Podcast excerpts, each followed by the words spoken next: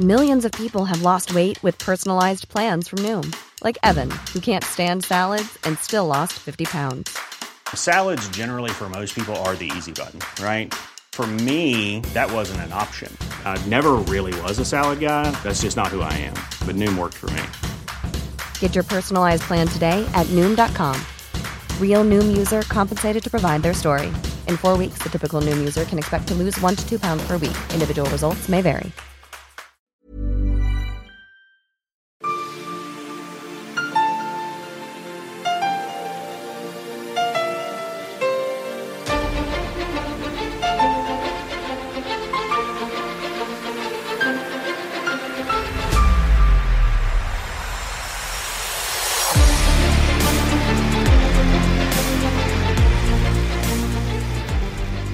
Lyssnar på Militärsnack, podcasten där militära saker blir lätta att fatta.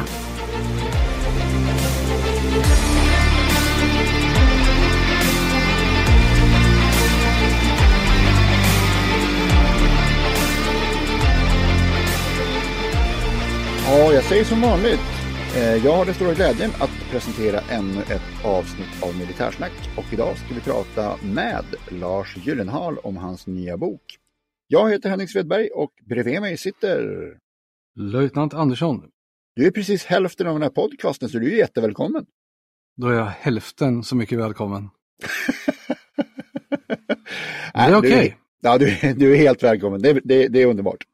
Vi, vi måste ju börja med, hur, hur är läget? Hur, vad, vad händer i livet, löjtnant? Jo tack, nej men det är bra. Det, det händer mycket.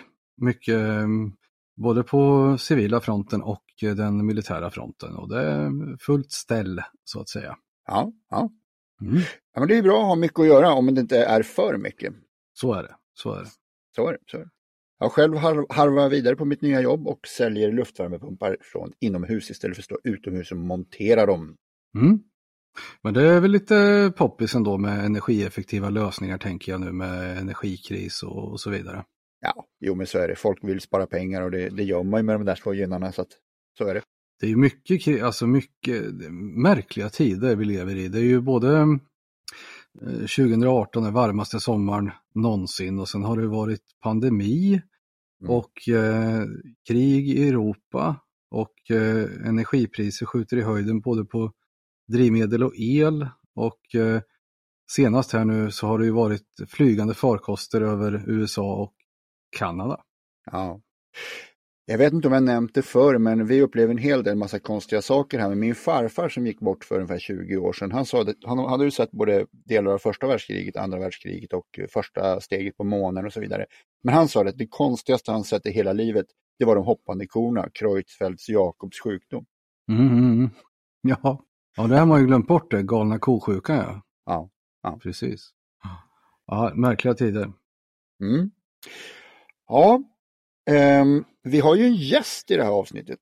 Mm, vi har ju det. Och, ja, och det är ju en väldigt, väldigt flitig svensk militärförfattare som har deltagit i ett antal olika eh, samarbeten med eh, andra framstående författare. Så att han är ju väldigt kul att ha med ska jag säga. Mm. Han har skrivit mycket men han har ju inte truppfört italienska partisaner. Nej, men det har ju en av de hjältarna i hans bok. Eh, Lönnqvist tror jag han hette den killen som gjorde det som flög en Wellington i, still, eh, i Medelhavet och blev tillfångatagen. Precis. Ja, men det, vi har ju lyssnat på den här båda två då givetvis. Och eh, ja, men det är mycket intressanta sådana riktiga Indiana Jones eh. Ja, Mm. så är det. Så är det.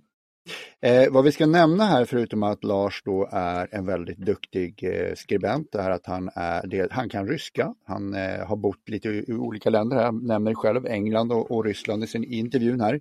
Och han är dessutom ledamot av Svenska militärhistoriska kommissionen. Mm. Och det blir nog inte vem som helst. Nej, det tror jag inte heller. Men det är en väldigt spännande intervju och eh, ja, my mycket, mycket spännande saker han har grävt i och skrivit om. Mm. Och det är ju inte fiction, Nej, det här är ju, alltihopa är ju verkliga händelser. vilket gör det hela lite mer intressant. Ja. Nu är det så att vi har gjort intervjun över telefon med, eh, med Lars och eh, det kommer inte riktigt med i början där jag just nämner att vi gör det här på telefon. Jag hälsar honom välkommen och eh, med det i minne så kör vi intervjun tycker jag. Mm. Ring Lars. Ring Lars. Du är välkommen Lars. Tack så mycket, det är trevligt att få vara med. Jo, men eh, det är klart du ska vara med. Du är ju en intensiv författare och dessutom har du ju nu en ny intressant bok som inte bara är pipan utan den är ju utgiven vid det här tillfället. Ja, Lennart Westberg och jag har eh, äntligen skrivit eh, RAF-boken som vi har snackat om rätt länge.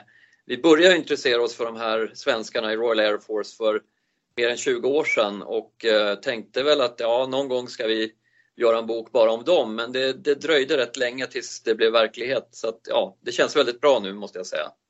Mm. Härligt att höra. Jag vill nog att du presenterar dig lite för mina lyssnare lite kort. Ja, eh, jag är ju då eh, Pitebo. Det är ju det absolut viktigaste att säga om man eh, är från Piteå så att säga. Men eh, ursprungligen, det ska jag direkt erkänna, jag är född i Uppsala men jag har inte någon riktig anknytning till Uppsala eftersom jag inte minns ett skvatt. Eh, vi flyttade väl därifrån när jag var två månader till Edsberg där jag råkar sitta just nu som är en del av Sollentuna. Och det i sin tur är en förort i eh, Stockholms eh, norra utkanter kan man säga.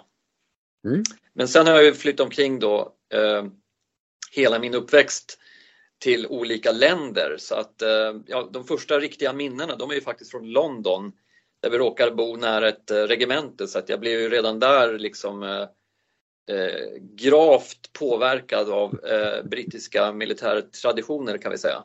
Mm, mm. Militärt marinerad, du har väl bott i Ryssland också? Ja, eh, men då var jag nog vuxen kan vi säga faktiskt och det var inte för att mina föräldrar eh, tvingade mig dit utan det var helt frivilligt. Okej, okay. det är väl ditt, eh, ditt intresse för det militära som fick dig dit misstänker jag då? Ja, jag hade lite olika skäl när jag började intressera mig för Ryssland, varför jag ville lära mig ryska. Eh, men sen blev det ju så att Gorbatjov, han blev ju så väldans stor och även populär i, i väst det känns lite absurt att prata om en, en rysk ledare som superpopulär. Men eh, han var ju det. Och eh, mm. jag tyckte väl att han var eh, bra. Eh, och eh, jag ville absolut lära mig mer om Ryssland, rysk kultur, kunna läsa ryska böcker och eh, då, då kändes det naturligt att börja läsa ryska på gymnasiet här i Sollentuna där jag nu befinner mig. Inte långt mm. faktiskt från, från skolan där jag då började med ryskan, gymnasiet, ja. Rudbecksskolan. Kul, kul, kul. Vi går tillbaks till eh, Lennart Westberg här som du har skrivit boken tillsammans med. Det är inte första gången ni gör något tillsammans. Ja, det stämmer. Vi började liksom eh, umgås per eh, brev, alltså fysiska brev på 80-talet. Sen träffades vi här i Sollentuna när Lennart var på en tennisturnering för polisen han var och är väldigt aktiv inom tennis och eh, just eh, polisens eh, tennisturneringar. Okej. Okay. Men ni hade ju ett gemensamt intresse för det militära och ni har nu presterat ett antal böcker. Ja, det började väldigt mycket på grund av svenskarna i tysk tjänst som Lennart var och är väldigt insatt i och han har ju träffat och intervjuat många av svenskarna i både Waffen-SS och Wehrmacht. Eh, mm. Så att eh, det var så det började men sen insåg vi ju bägge två att eh, de på allierad sida, de är också jätteintressanta och mer okända eh, än de i Waffen-SS och Wehrmacht. Och varför var de det? Och, ja, så att eh, då började vi gräva ner oss i, i dem också. Mm, mm. Men ni kom alltså då på att det fanns en massa svenskar som hade stridit på andra sidan och ville göra något om dem? Ja, så var det och eh, på den tiden då när vi började med de här efterforskningarna så var det en hel del som, som levde av de här veteranerna så att vi, eh, vi får hem till dem. Vi hittade dem i telefonkatalogen, de här tjocka böckerna som alla hushåll fick förr i tiden.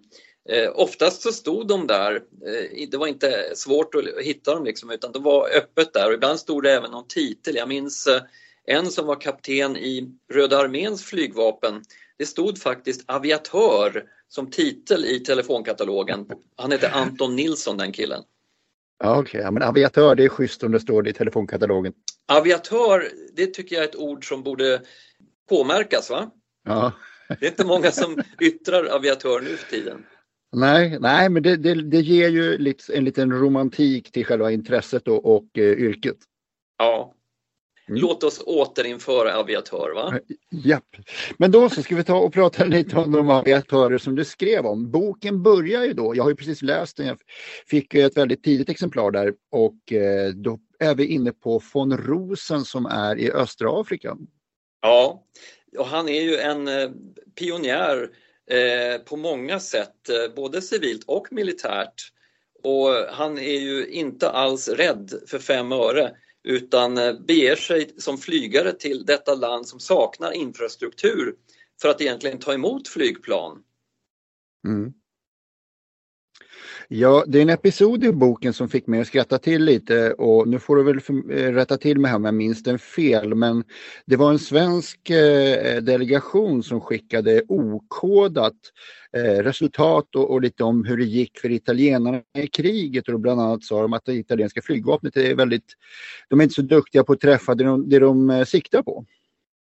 Helt säkert är ju att Eh, Mussolini och eh, några andra höjdare i dåtida Italien, de var väldigt sura på de svenska officerarna som eh, fanns kring den etiopiske kejsaren Haile Selassie. Mm. De var ju alltså några av hans närmaste rådgivare och jag tror att de var en bidragande orsak till att det tog många månader för Mussolinis krigsmakt att besegra Etiopien som ju egentligen kanske borde ha varit en, en, en barnlek eh, teoretiskt ja. Eh, sett, men, men det var det inte. Von Rosen här som, som det här handlar om, det är ju en, en flygarsläkt som har varit med om fler saker. Ja, eh, om du tänker på hans eh, far så var inte han någon flygare men han var en äventyrare lite grann åt Indiana Jones hållet. Mm. Ska jag säga någonting om, om vad han upptäckte i Sydamerika? Det vill vi höra. Ja, Erik von Rosen, han var ju otroligt intresserad av all historia kan man nog säga. Och när han då kommer till Sydamerika i början av 1900-talet och upptäcker att eh, det finns eh, hakkors i deras eh, symbolvärld där, då, då, känner han att ja men oj, det här finns ju även i, i Norden då.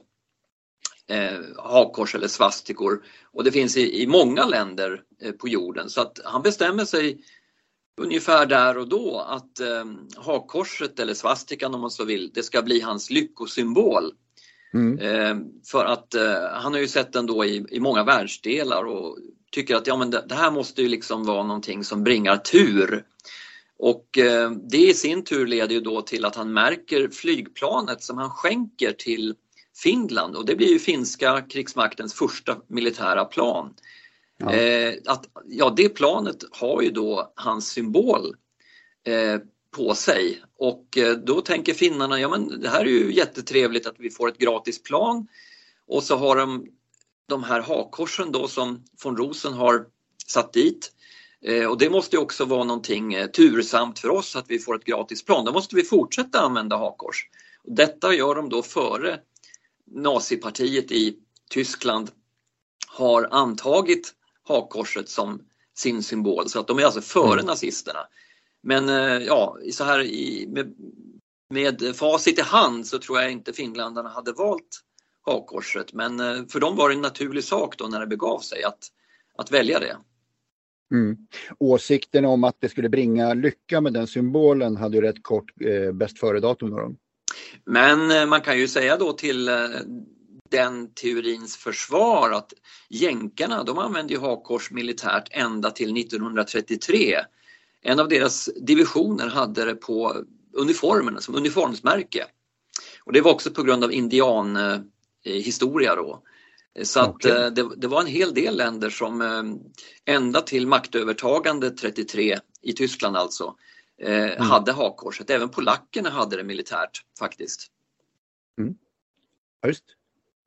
Eh, du nämnde här Indiana Jones och då har du den här Lönnberg som flyger ett engelskt bombplan i Nordafrika.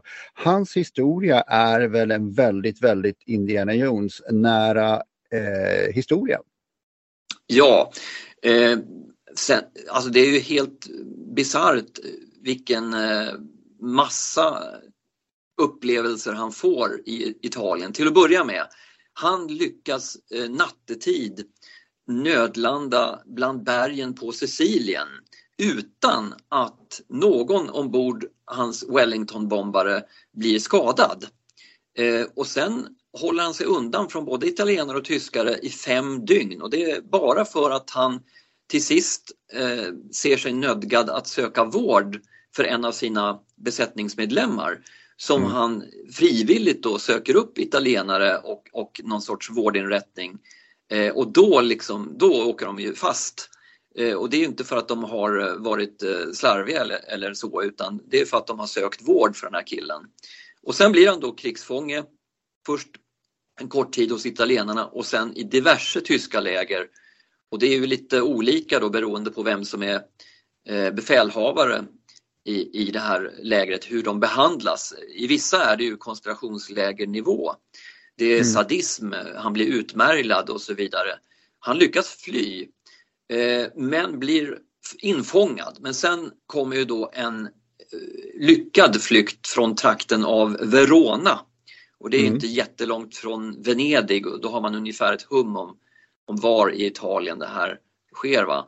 Och sen går han till fots, om jag minns rätt, 19 dygn, mest nattetid, för att komma till norra Italiens liksom, utkanter. Och där hittar han några partisaner och de inser att han är ledarbegåvning så att han utses till deras chef. Han blir partisanchef eh, helt enkelt. Och eh, till och med tyskar ansluter sig, tyska soldater. Så det blir ett rätt internationellt gäng där.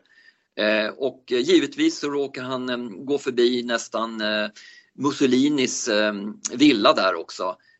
Så att hade det liksom varit, ja, det, det, det, hade nästan kunnat hända att han hade stött på Mussolinis livvakter, så pass nära var han skulle jag säga. Mm. Men han tröttnar lite grann på italienarna efter ett tag. Det är ju inte helt lätt att, att leda italienska partisaner. Inte för att jag själv har gjort det, va? men jag, jag föreställer mig att, att, att, att, det inte är den lättaste saken i världen. Så att han eh, sticker till Schweiz efter ett tag och eh, blir internerad där. Mm. Alltså när jag läser den här delen av din bok, så blir jag, eller er bok ska jag säga, så tänker jag att det här inte har blivit filmat.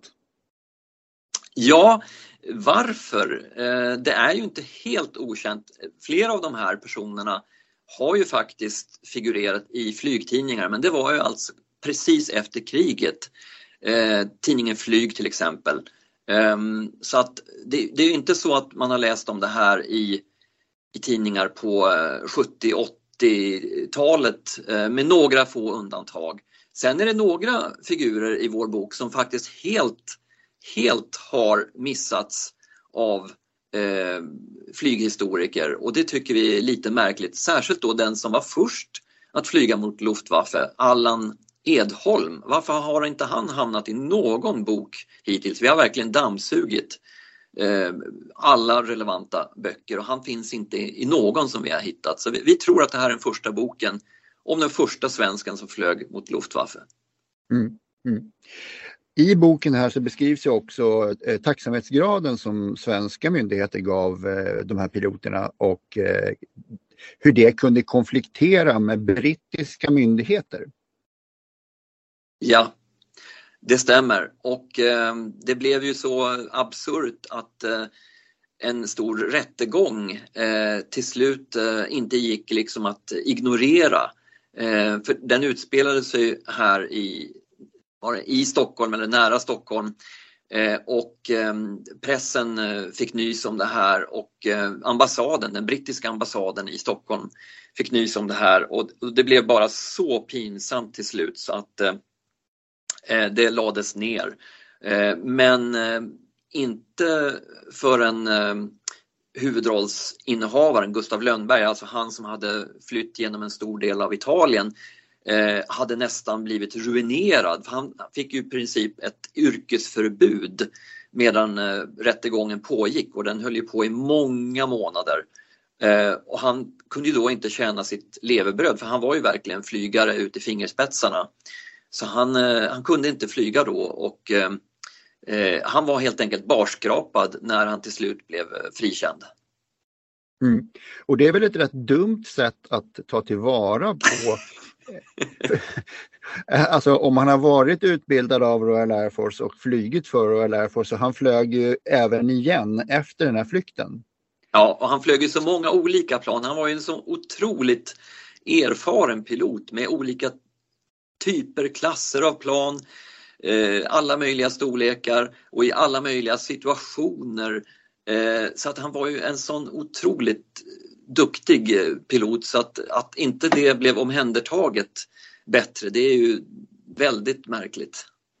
Ja, det måste vara en underrättelsemiss av rang att ha en sån duktig kille och sen inte ta honom tillvara. Det kan nog vara så att när eh, flygvapenchefen dåvarande hade så att säga förlorat mot den här eh, äkta flygarhjälten, då ville man kanske helt enkelt inte ha tillbaka honom även om man insåg att han var otroligt duktig. Eh, man, ville bli, man ville nog inte bli påmind om eh, den skamliga rättegången. En gissning från min sida. Hur många svenska piloter har du med i din bok här? Ja, eh, vi har skrivit i boken över ett dussin för att det är ju så att än idag så finns det ju några osäkra fall. Om vi, om vi bara pratar om Eh, Eh, flygare födda i Sverige, ja men då är vi 20 någonting. Eh, alltså om vi pratar om flygare inom Royal Air Force, 20 någonting. Men eh, begränsar man det till om de var svenska medborgare när de då sökte sig till RAF, ja då är vi snarare nere på någonstans kring 14-15. och sen är det lite kul att en av de här Hurricane-piloterna Eh, han betraktades, betraktades ju som en tysk medborgare av svenska myndigheter.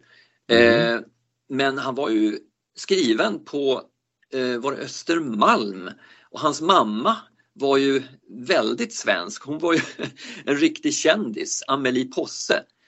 Mm. Eh, och hade det blivit en ockupation av Sverige då hade hon nog lett en mycket viktig svensk motståndsrörelse. Men han mm. räknades ju alltså inte rent formellt som svensk under andra världskriget. Och hans namn var Slavo Brazda. Hans pappa var från Tjeckoslovakien, därav det tjeckiska namnet. Här i boken tar ni upp då ett gäng med eh, svenskar som flög för Royal Air Force. Ni nämner också i boken hur många som flög för Luftwaffe.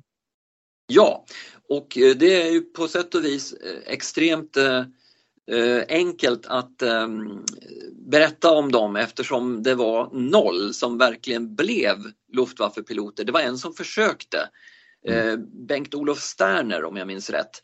Eh, han dog under utbildningen så att ehm, det, det, blev inte någon skarp flygning för hans del utan det var bara utbildning som slutade i att han, han dog under utbildningen. Mm. Men sen fanns det ju några till, om vi ska vara riktigt noga här, svenskar som var i Luftwaffe men de var inte flygande utan de var i marktjänst. Om det var nu tre eller var det fyra.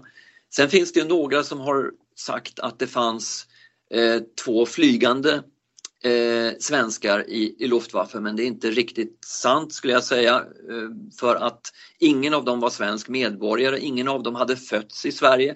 Det som är sant om dessa eh, med svenskklingande namn är ju att de hade mammor som var från Sverige. Men eh, som sagt, de hade varken fötts i Sverige och hade aldrig varit svenska medborgare. Nej.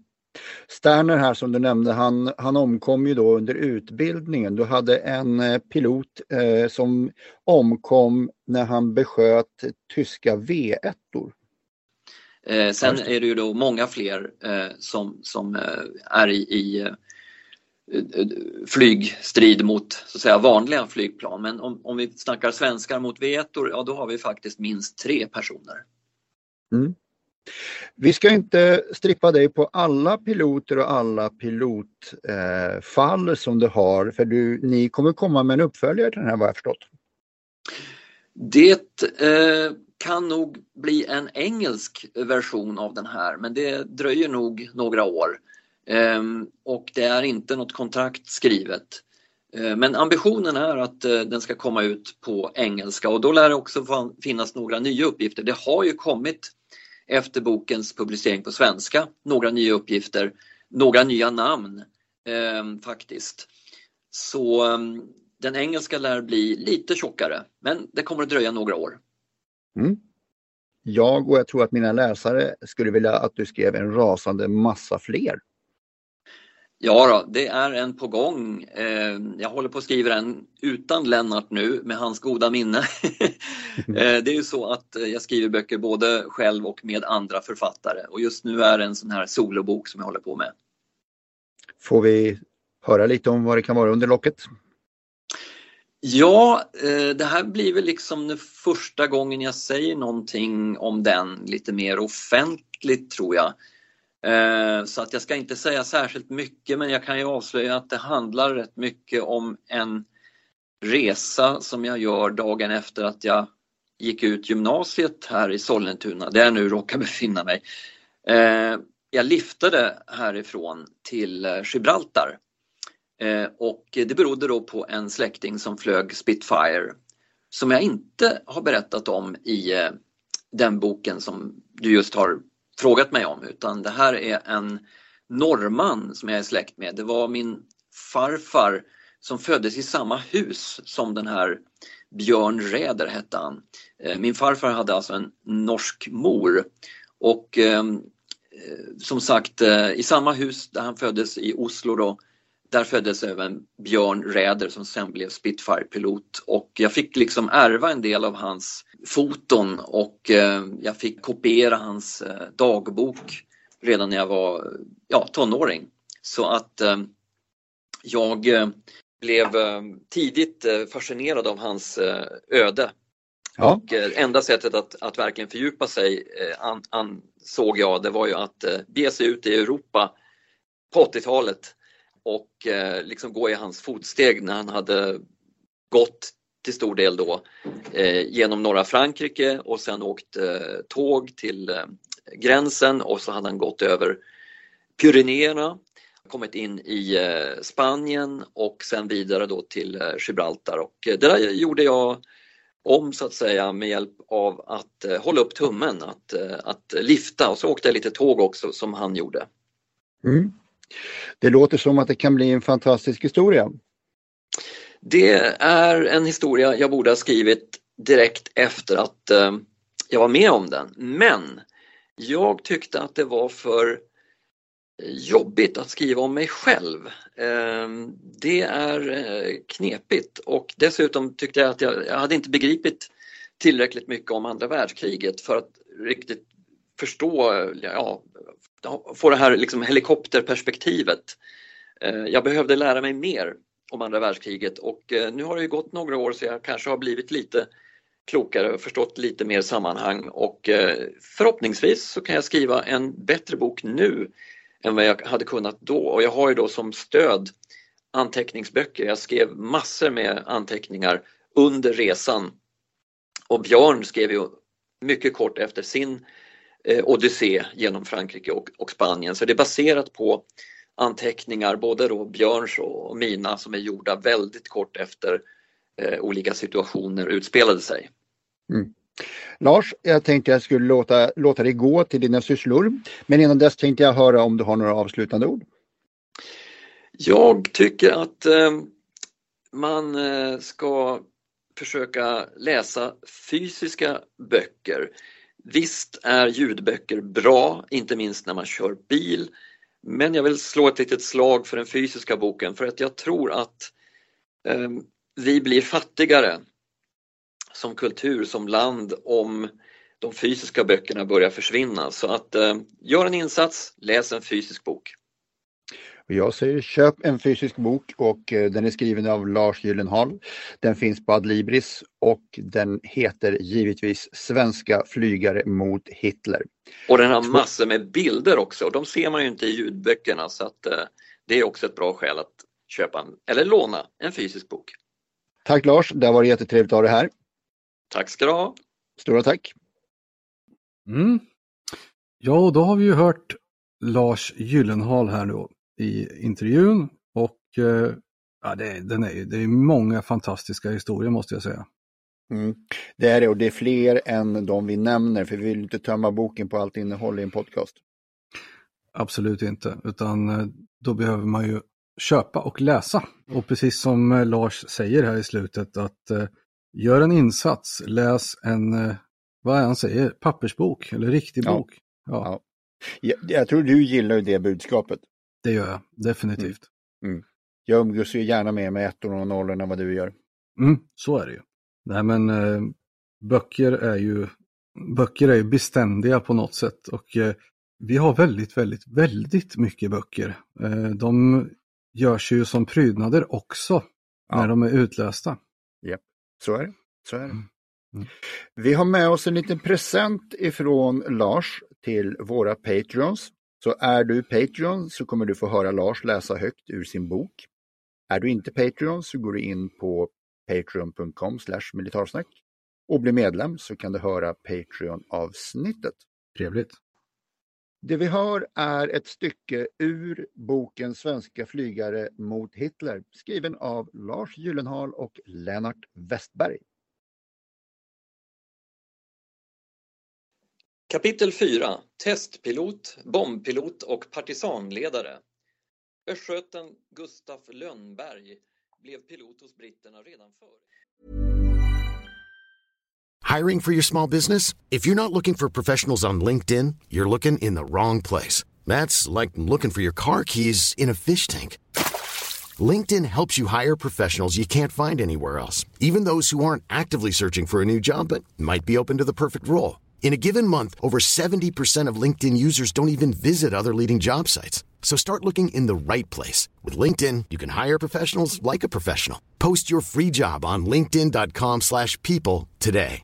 Everyone knows therapy is great for solving problems, but getting therapy has its own problems too, like finding the right therapist, fitting into their schedule, and of course, the cost. Well, BetterHelp can solve those problems. It's totally online and built around your schedule. It's surprisingly affordable too. Connect with a credentialed therapist by phone, video, or online chat, all from the comfort of your home. Visit betterhelp.com to learn more and save 10% on your first month. That's BetterHelp, H E L P.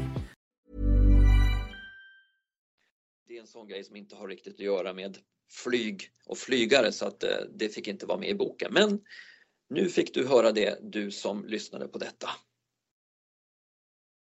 Jättebra. Skitbra, super.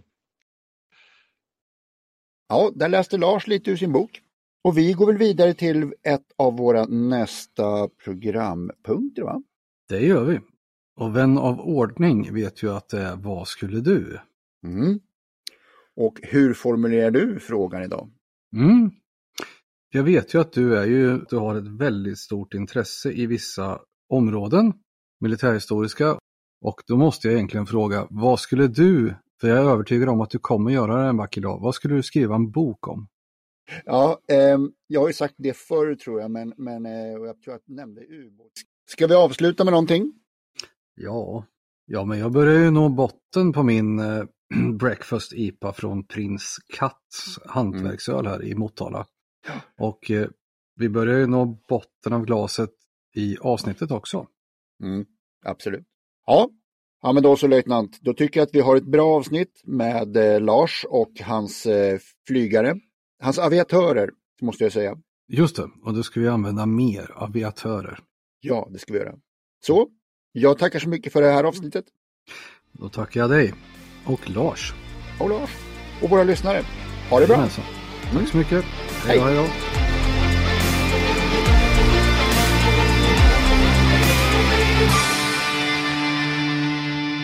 Glöm inte att gilla, dela och gärna prata om vår podd med de vänner du tror skulle gilla den. Tack!